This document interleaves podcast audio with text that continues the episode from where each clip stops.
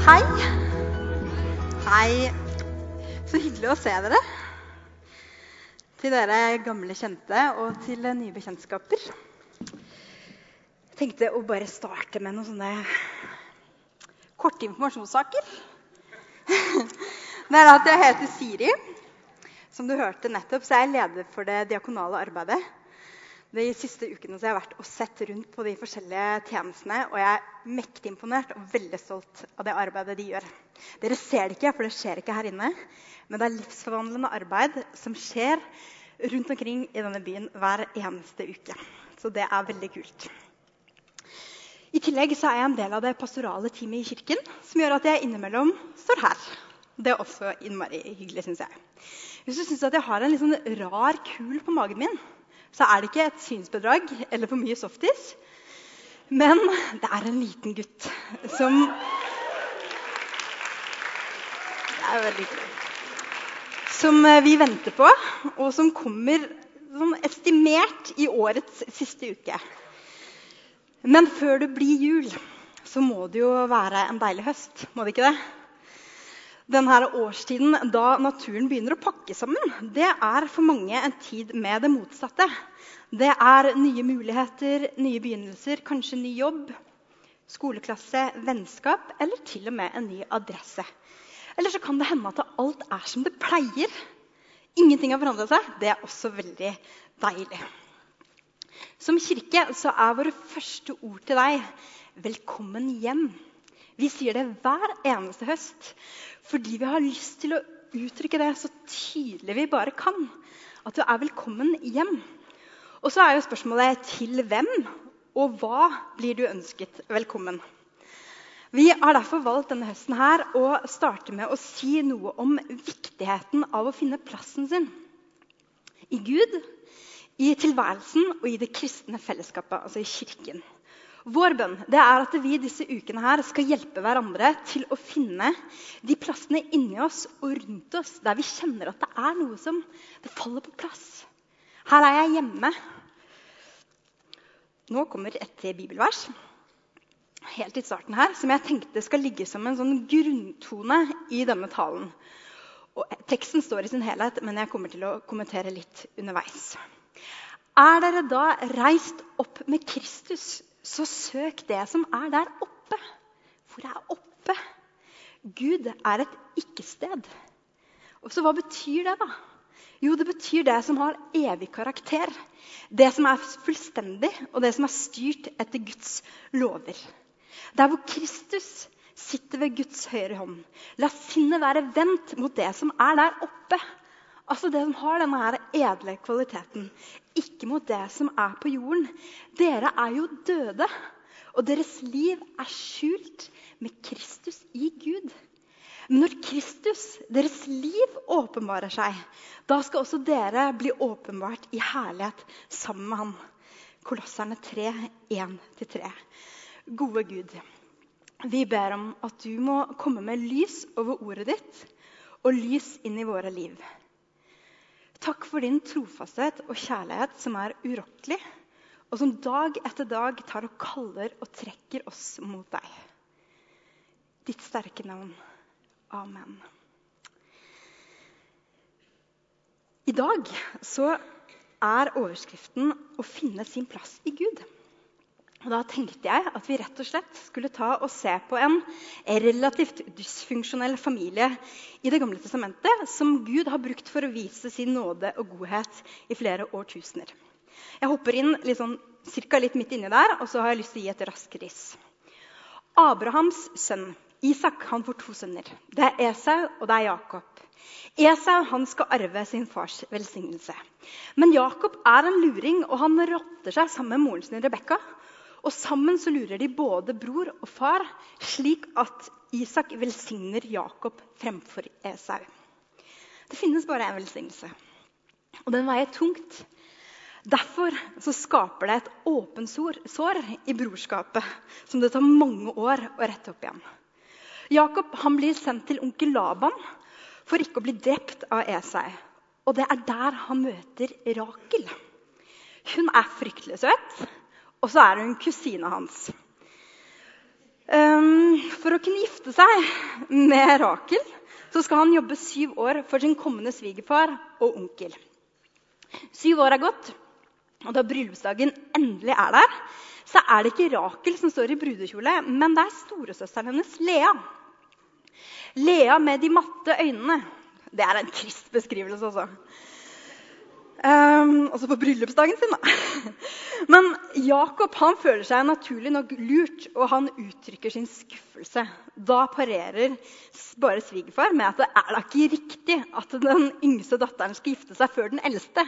Jeg tenkte Han kunne jo kanskje sagt det syv år tidligere. Men uansett, kompromisset blir at han får Rakel mot at han skal jobbe syv år gratis for svigerfar. Til da. Dette er slitsomme saker. Og det har ikke begynt på samlivet ennå. Og verre skal det dessverre bli, fordi Lea får barn. Rakel får ikke barn. De to søstrene er misunnelige på hverandre. Rakel på Leas barn og Lea på Jakobs kjærlighet til Rakel.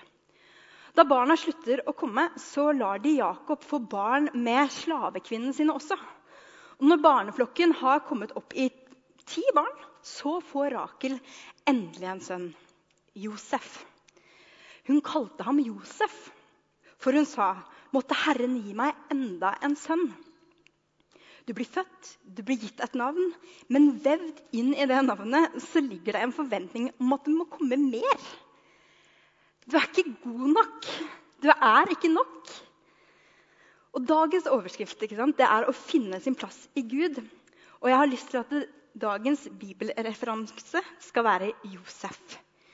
For å finne sin plass i Gud, det betyr å leve i Gud. Og så betyr det at det er noe som dør i Gud. Jeg tok et Google-søk på internettet og søkte på setningen 'leve i Gud'. Vet du hva? Da kom det ikke opp noe som helst. Men det kom noen andre. Disse her tok og dukket opp. Det sto 'leve for Gud', leve nær Gud, leve 100% for Gud.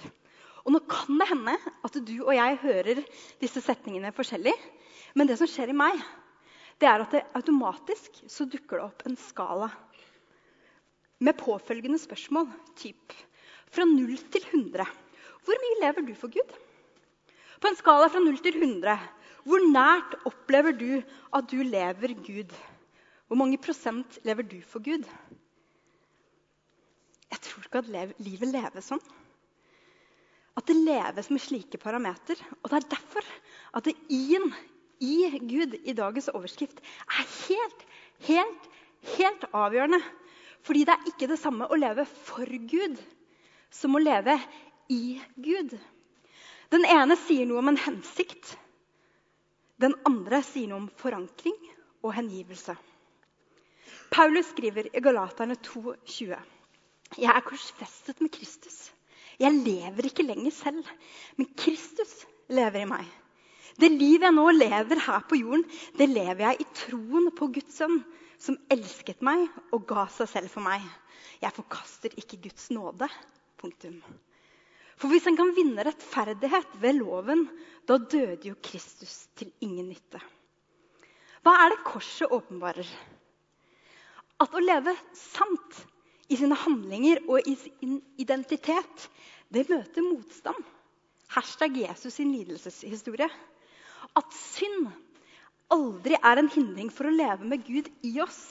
Synden den ligger i at vi ikke ser Guds nåde. Når vi ikke ser Guds nåde, så henger vi fast i vår synd i de måtene vi bommer på målet. Men hvis vi er døde for synden, gjennom at Kristus åpenbarer Guds frelsesverk. Hva er det som skjer da? Jo, da skjer det en ny fødsel i hjertet. Når det vi i vår menneskelige forstand karakteriserer som den dypeste synd eller smerte, når det møter det virkelige livet, det evige livet som Gud har lyst til å gi oss, da åpenbares nåden. Ikke som noe som skjer etter livet, men det skjer i livet akkurat her, akkurat nå. I sofaen, i skogen, i klemmen, i sorgen. Når Paulus skriver at 'jeg lever ikke lenger selv, men Kristus lever i meg', eller i han, da, så er ikke det teologi. Det er en oppriktig erfaring at det er det sanneste som kan sies om ham. Han ser seg helt lik menneskesønnen som den første av de mange. Og så lar han nåden bli åpenbart. Den nåden som blir åpenbart på korset, han lar den ramme seg selv. Og så blir han gjenfødt selv. Men er ikke liksom, ordet 'gjenfødt' eller 'født på ny' er ikke det litt sånne heftige ord? Er det det? Har vi noen andre ord som klarer å fange det vi prøver å si her? Finnes det ord som klarer å forklare det uten at vi må gå tilbake til grunnen til vår eksistens? Jeg er usikker. Jeg har ikke begynt å se på sånne fødeprogrammer ennå. Jeg kjenner meg ikke helt klar for det. Spør meg igjen litt senere i året, men jeg er ikke der. Men jeg tenker veldig mye på hvor han kommer fra veldig mye på hvor han kommer fra, og hvem han er. Jeg har jo ikke peiling på hvem han er. Jeg håper han er ålreit. Hvis han ligner på pappaen sin, han, da har han en veldig god forutsetning. Men hver gang jeg kjenner en bevegelse, eller et eller annet, så får jeg en påminnelse om at det er en annen som bor inni meg. Kanskje det er sånn Gud har det også? For jeg er hjemmet hans en liten periode. Ikke for alltid. Men vi kommer alltid til å henge sammen. Kanskje det er sånn med et liv i Gud også? Som en poet så vakkert har formulert det. Deres barn er ikke deres barn. De er livets sønner og døtre som lengter etter seg selv. De kommer gjennom dere, men ikke fra dere. Og selv om de er sammen med dere, tilhører de likevel ikke dere. Vi er ikke verdens barn. Vi er Guds barn. Og fordi vi er Guds barn, så bærer vi alltid Gud i oss og med oss. Og så har vi gitt noe utrolig spennende. Vi har gitt evnen å skjelne. Vi vet når vi lever i lys, og vi vet når vi gjemmer oss bort. For oss selv, for Gud og for hverandre. Og Det leder oss tilbake igjen til Josef, første Mosebok, kapittel 37. Josef han er blitt 17 år, og han har havnet i problemer. Alle søsknene hans vet at Josef er den sønnen som Jakob elsker høyest. Og hvordan vet de det? Jo, det vet de fordi moren hans er Rakel, og det er favorittkona hans. Jeg sa det der med dysfunksjonell. Det begynner å åpenbare seg her nå. Og så vet de det fordi Jakob har gitt ham en ekstra fin skjortel. Og så driver Josef og drømmer drømmer. Han drømmer om at alle brødrene hans en dag skal knele for ham. Og ikke bare som en sånn dagdrøm, men som et åndelig syn. Og det er ikke bare de som skal knele, men hele skaperverket skal knele for ham. Det der virker breialt uavhengig av sannhetsgrad. Naturlig nok så blir det problemer av dette her. Og en dag så en dag Josef går for å se til brødrene som er ute og gjeter sauene til faren sin, så bestemmer de seg rett og slett for å drepe ham. Det er alvorlig. Men eldstebroren Ruben han blir fortvila, og han trygler brødrene sine om at de kan ta og putte han i en brønn isteden, sånn at han kan komme tilbake litt senere og hente han opp. Men mens Ruben er borte fra de andre, så kommer det et reisefølge som er på vei mot Egypt. Brødrene de tenker la oss tjene noen penger på denne irriterende lillebroren isteden. De ødelegger den spesialsydde kjortelen, dynker den i dyreblod. Pappa Jakob blir helt fra seg av sorg over at et rovdyr tilsynelatende har drept sønnen hans. Han er fullstendig utrøstelig og like totalt uvitende om at Josef nå er på vei til Egypt og til faraos hoffmann og sjef for livvakten Potifar. Josef har så vidt kommet inn over dørstolpen før han blir gitt viktige oppgaver i husholdet. Og det som er fascinerende, det er at han får alt til å funke. Alt til å skinne. Han har stålkontroll på alle oppgaver han blir satt til. I tillegg så er han kjekk. Som om ikke styringsevner er sexy nok i seg selv. Kona til Potifar, Potimor Jeg lovet meg selv å ikke gå i den der predikantfella, men, eh, men jeg gjorde det akkurat veldig. Hun blir i hvert fall betatt av Josef og hun prøver seg intenst. Men så får hun ikke noen respons av Josef, fordi Josef er en ordentlig type. Det ender med at hun serverer en saftig løgn om at han har prøvd å ligge med henne. Noe som gjør at Potifar sender han rett i fengsel. I fengselet så er det to medfanger som våkner en morgen med triste ansikter. De to de jobber for farao. Josef han får, med seg, får med seg ansiktene og lurer på hva det er for noe. De har drømt vonde drømmer. De forteller drømmene til ham, og Josef tolker drømmene ved Guds hjelp. Tydningen til overmunnskjenken gå hjem og google hva det er, er, om tre dager, er at om tre dager vil han få stillingen sin tilbake hos farao. For deg som tenkte å, jeg orker ikke å gå hjem og google, det var folk som testa om vinen til farao var forgifta. Okay? Spesielt yrkesvalg. Tydningen til den andre av fangene den ulykkelige bakeren, det er at om tre dager så kommer han til å dø. Tydningen til Josef den stemmer virkeligheten. Før munnskjenken går da og vender tilbake til farao, så ber Josef inntrengende. Bare du vil huske på meg når det går deg godt. Vis meg godhet. Nevn meg for farao og få meg ut av dette huset. For jeg er stjålet fra hebreernes land, og her har jeg ikke gjort noe som gjør meg fortjent til fangehullet.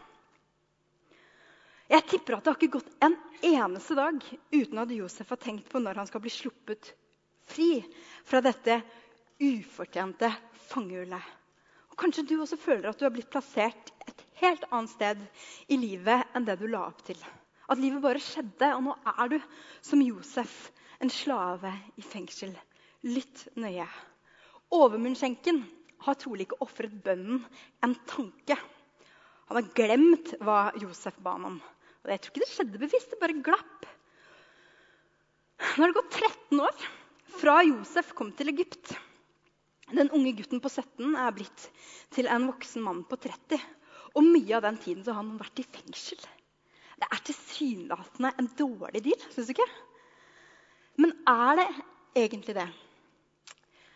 Nå har det gått to år siden noen drømte sist. Men nå er det på nytt en som drømmer. Og denne gangen så er det farao. Han drømmer om kuer og kornakst og har ikke peiling på hva det betyr. Og det har ingen av landets ypperste spåkoner, trollmenn eller drømmetydere heller.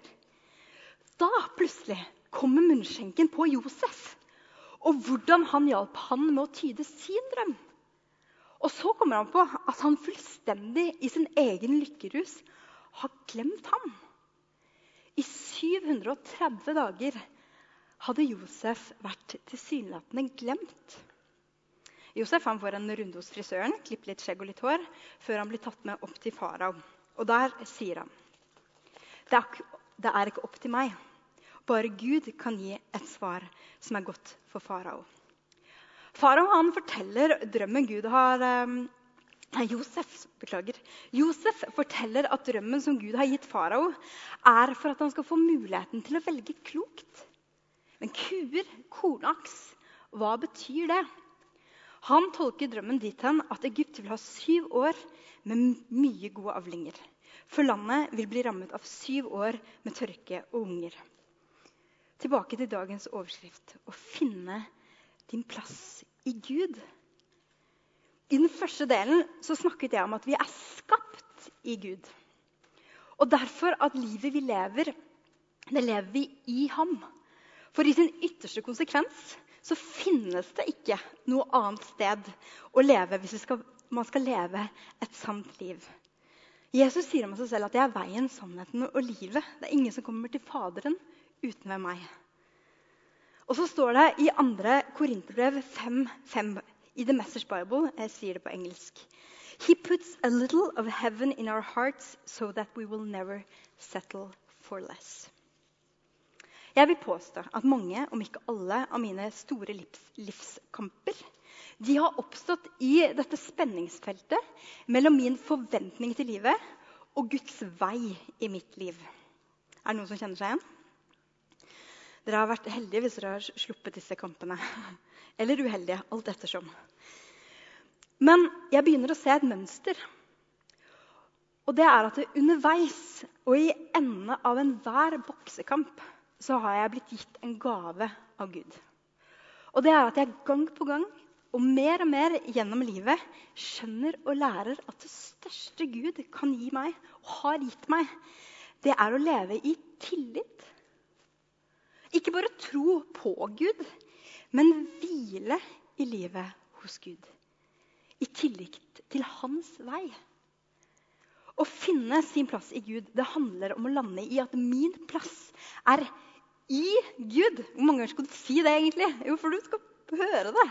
Det er i Gud, ikke i en spesifikk plass, men i en forankring og i en hengivelse som sier at det finnes ikke en annen vei eller en annen plass jeg heller vil være enn der Gud enhver tid plasserer meg. Og jeg rangerer, ikke sant? Og kan si sånne ting som Jeg ikke alltid sier det høyt, men sier det inni seg. Det er bedre å være frisk enn syk. Det er bedre å få det jeg vil ha nå, enn å vente. Det er bedre å ha overflod enn å ha det skrantent. Det er bedre med en ferdig oppussa leilighet enn en som er underveis. Men ingen av de tingene jeg sier nå, det sier jeg for å neglisjere smerte, savn, nød eller gipsstøv. Men likevel så er det sant at jeg har gjort meg en idé om hvordan det burde se ut. Jeg har laget meg et drømmescenario. Bevisst eller ubevisst. Og så har jeg laget meg noen forutsetninger og noen forventninger til hvordan livet skal være hvis Gud er så bra som Bibelen og de andre kristne vil ha det til. Men hvis jeg har lagt livet mitt i mine egne hender, og så har jeg invitert Gud med som en sånn slags kirsebær på toppen av iskremmen som skal velsigne når jeg plystrer, hvem har jeg gjort Gud til da? Da er ikke Gud Gud. Gud blir først den levende og mektige når jeg lar ham virke. Korrigere, bekrefte og speile, slik at det blir i hans lys dagene våre blir formet. Josef vet hva jeg snakker om. Han snakket sant om hva Gud hadde vist ham i drømmene sine som ung gutt. Men siden verken han eller de andre hadde sett oppfyllelsen av det han sa, så kommer vår menneskelige respons og deres menneskelige respons umiddelbart.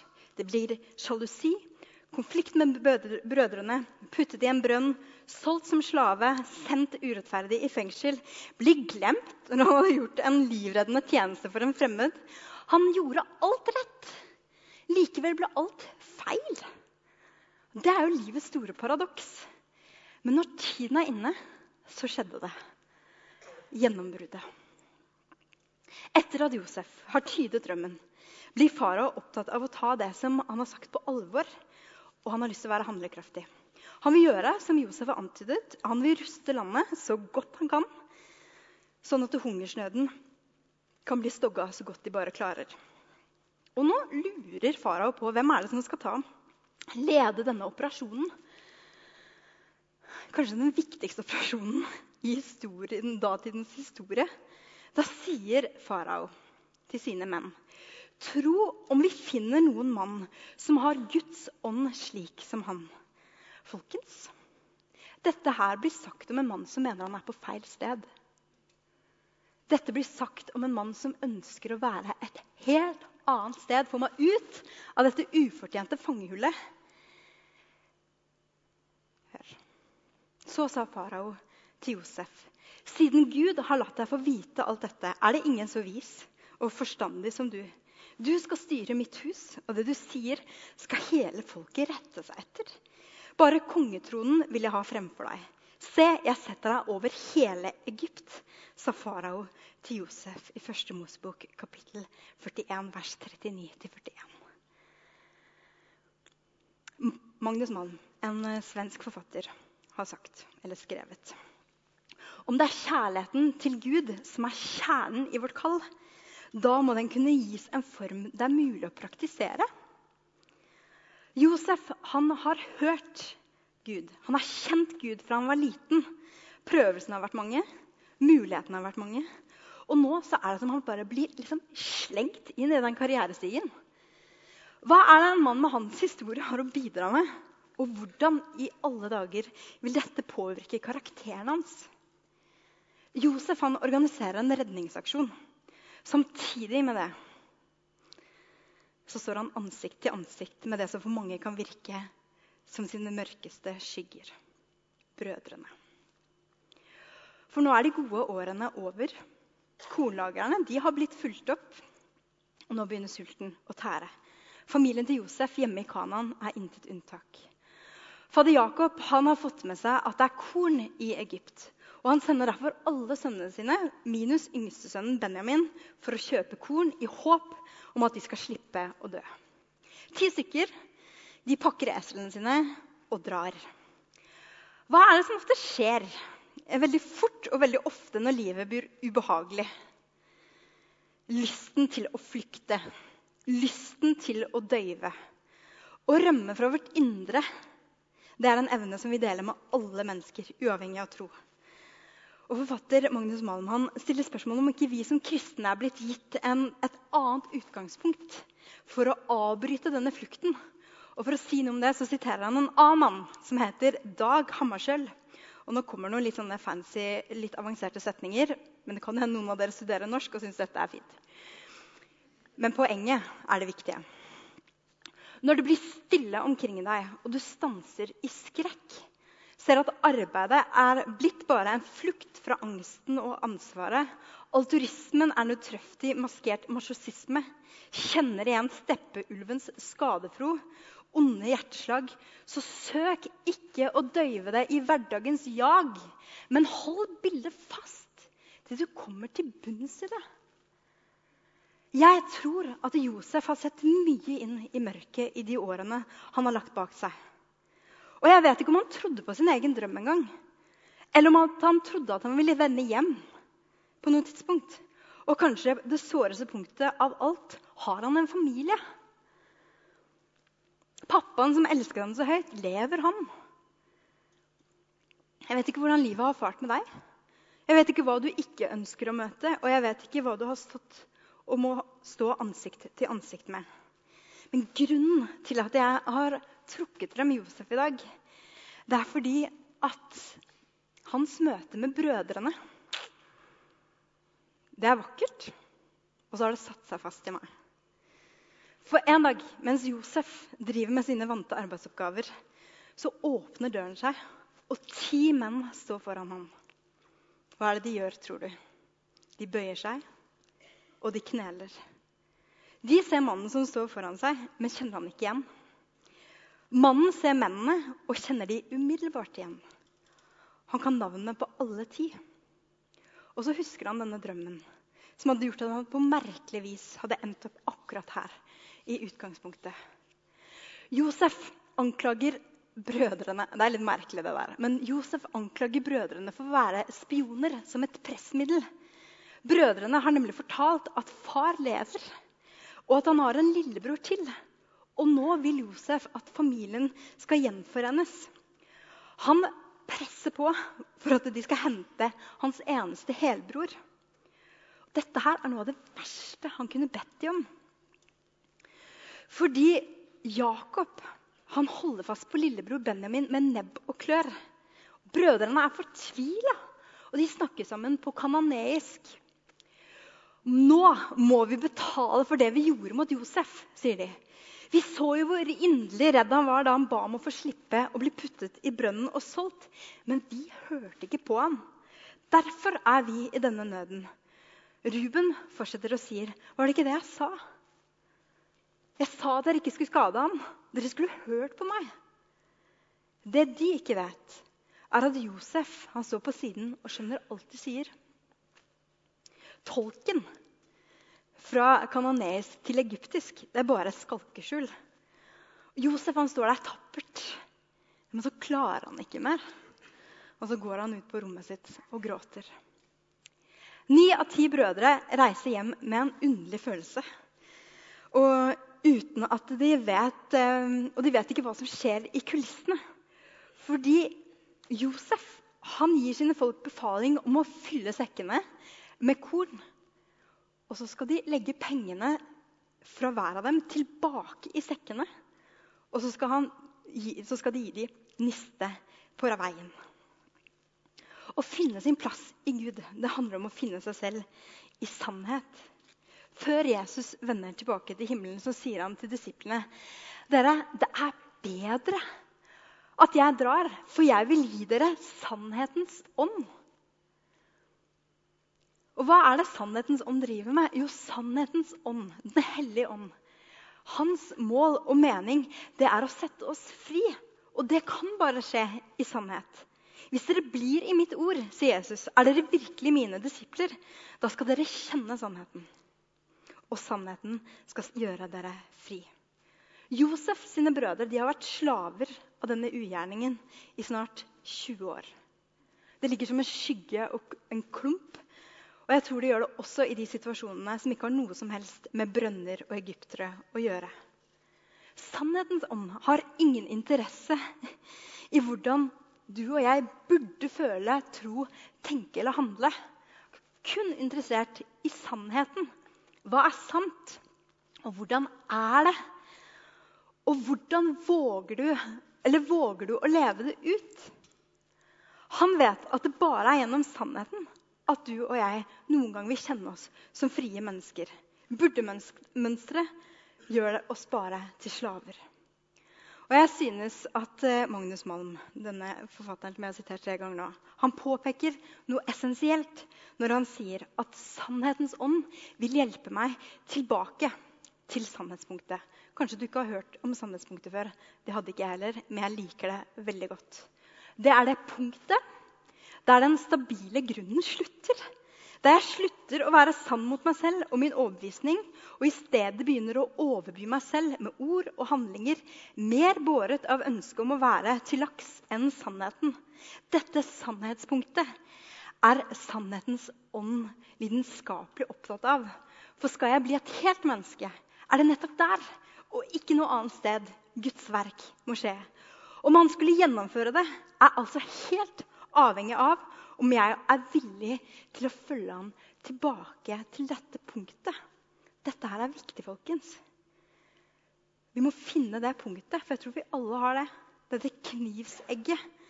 Der det glipper unna. Der vi vet at nå, nå er det ikke sant lenger. Nå lever jeg en livsløgn, eller jeg har gått vekk fra det jeg vet er sant om meg selv og om Gud. Når Josef møter brødrene sine igjen for første gang, så avsluttes det med at han legger pengene de hadde brukt for å betale for kornet, tilbake i sekkene. Hva kaller man sånt, dere? Nåde kalles det. Og det kan kun skje når man har møtt Gud selv og forstått brødrene sine. At de visste ikke hva de gjorde. Og at summen av dette her har tjent en større hensikt, nemlig Guds hensikt. Det blir tomt for korn etter en stund, og Jakob han sender guttene sine på tokt igjen. Og Etter mye frem og tilbake så får brødrene overtalt sin gamle far om at de må ta med seg Benjamin, selv om han er livredd for å miste enda en sønn. Når de kommer tilbake til Egypt, så har statsleder Josef invitert dem på middag. Og de har med seg gaver. Og med en gang Josef kommer inn i huset, så kaster de seg til jorden. Og så kaster de seg jorden, til jorden enda en gang. Og da får Josef øye på Benjamin, sin eneste helbror, og utbryter 'Gud velsigne deg, gutten min'. Da skyndte Josef seg bort til ham, fordi kjærligheten blusset opp. Men så blir det for mye for Josef igjen, og han begynner å kjenne hvordan tårene presser på, og går inn på rommet og gråter vasker ansiktet, manner seg opp og sier strengt idet han kommer ut, 'Sett frem maten'. Det var ett bord for Josef, ett for brødrene og ett for egypterne som spiste opp ham. For det var nemlig ikke sett på som en ålreit greie at hebreere og egyptere spiste sammen. Brødrene de sitter vendt mot Josef. Det er blikkontakt. Og så blir de plassert etter alder. De ser forundret på hverandre. Og så gjør Josef noe rart. Han begynner å dele ut av rettene fra sitt bord til brødrene. Josef han har kvaler, og han kjemper. Og han ber til slutt alle tjenerne om å gå ut av rommet. Ut, alle sammen. Og når det bare er brødrene igjen, så klarer han ikke lenger å legge bånd på seg. Og jeg tipper at han sier på kav kananeisk 'Jeg er Josef. Ja, broren deres lever pappa fortsatt. Brødrene de klarte ikke å si noe. De var lamslått og trolig redde. Fordi denne mektige broren han har jo all rett til å ta hevn. Kom bort hit, sier Josef. Det er meg. Josef, han som dere solgte til Egypt. Men vær ikke lei dere eller urolige. Hør nå. Det var jo for å berge liv at Gud sendte meg i forveien for dere. For å berge liv Gud sendte meg i forveien for dere. Så hva er det vi skal si helt til slutt? Jo, å leve i Gud, det går fra min historie til hans historie i meg. Det er sannhetens ånd som ikke er opptatt av livets ytre omstendigheter, men at vi kan leve sant i alle livets omstendigheter. For det er gaven som Gud har gitt oss. Leve i Gud, det gjør oss fra slaver til tjenere. Å leve i Gud, det tar oss fra tanke til virkelighet, fra tanke til realitet. For livet gir oss disse boksekampene. Hvorfor det? For å foredle oss og bringer oss nærere Gud. Fordi han vil alltid peke på rikdommen bak alle situasjoner. Være seg brønn, konflikt, makt, evnen til forsoning. Vi kan bare gi videre det som har gått inn i vårt eget liv. Jeg kan ikke begynne å følge Kristus før jeg vet at mitt liv det bunner i sannhet. Og jeg kan ikke gi nåde og forsoning før jeg har smakt det selv. Josef han møter sine brødre med den samme nåden som vi møter hos Gud. Og så lar Josef sine sår bli en helbredelse for andres sår. La det være et forbilde, et bilde, en retningsstor i arbeidet med å finne din plass i Gud. Derfor, om noen er i Kristus, da er han en ny skapning. Det gamle er forbi. Se, alt er blitt nytt.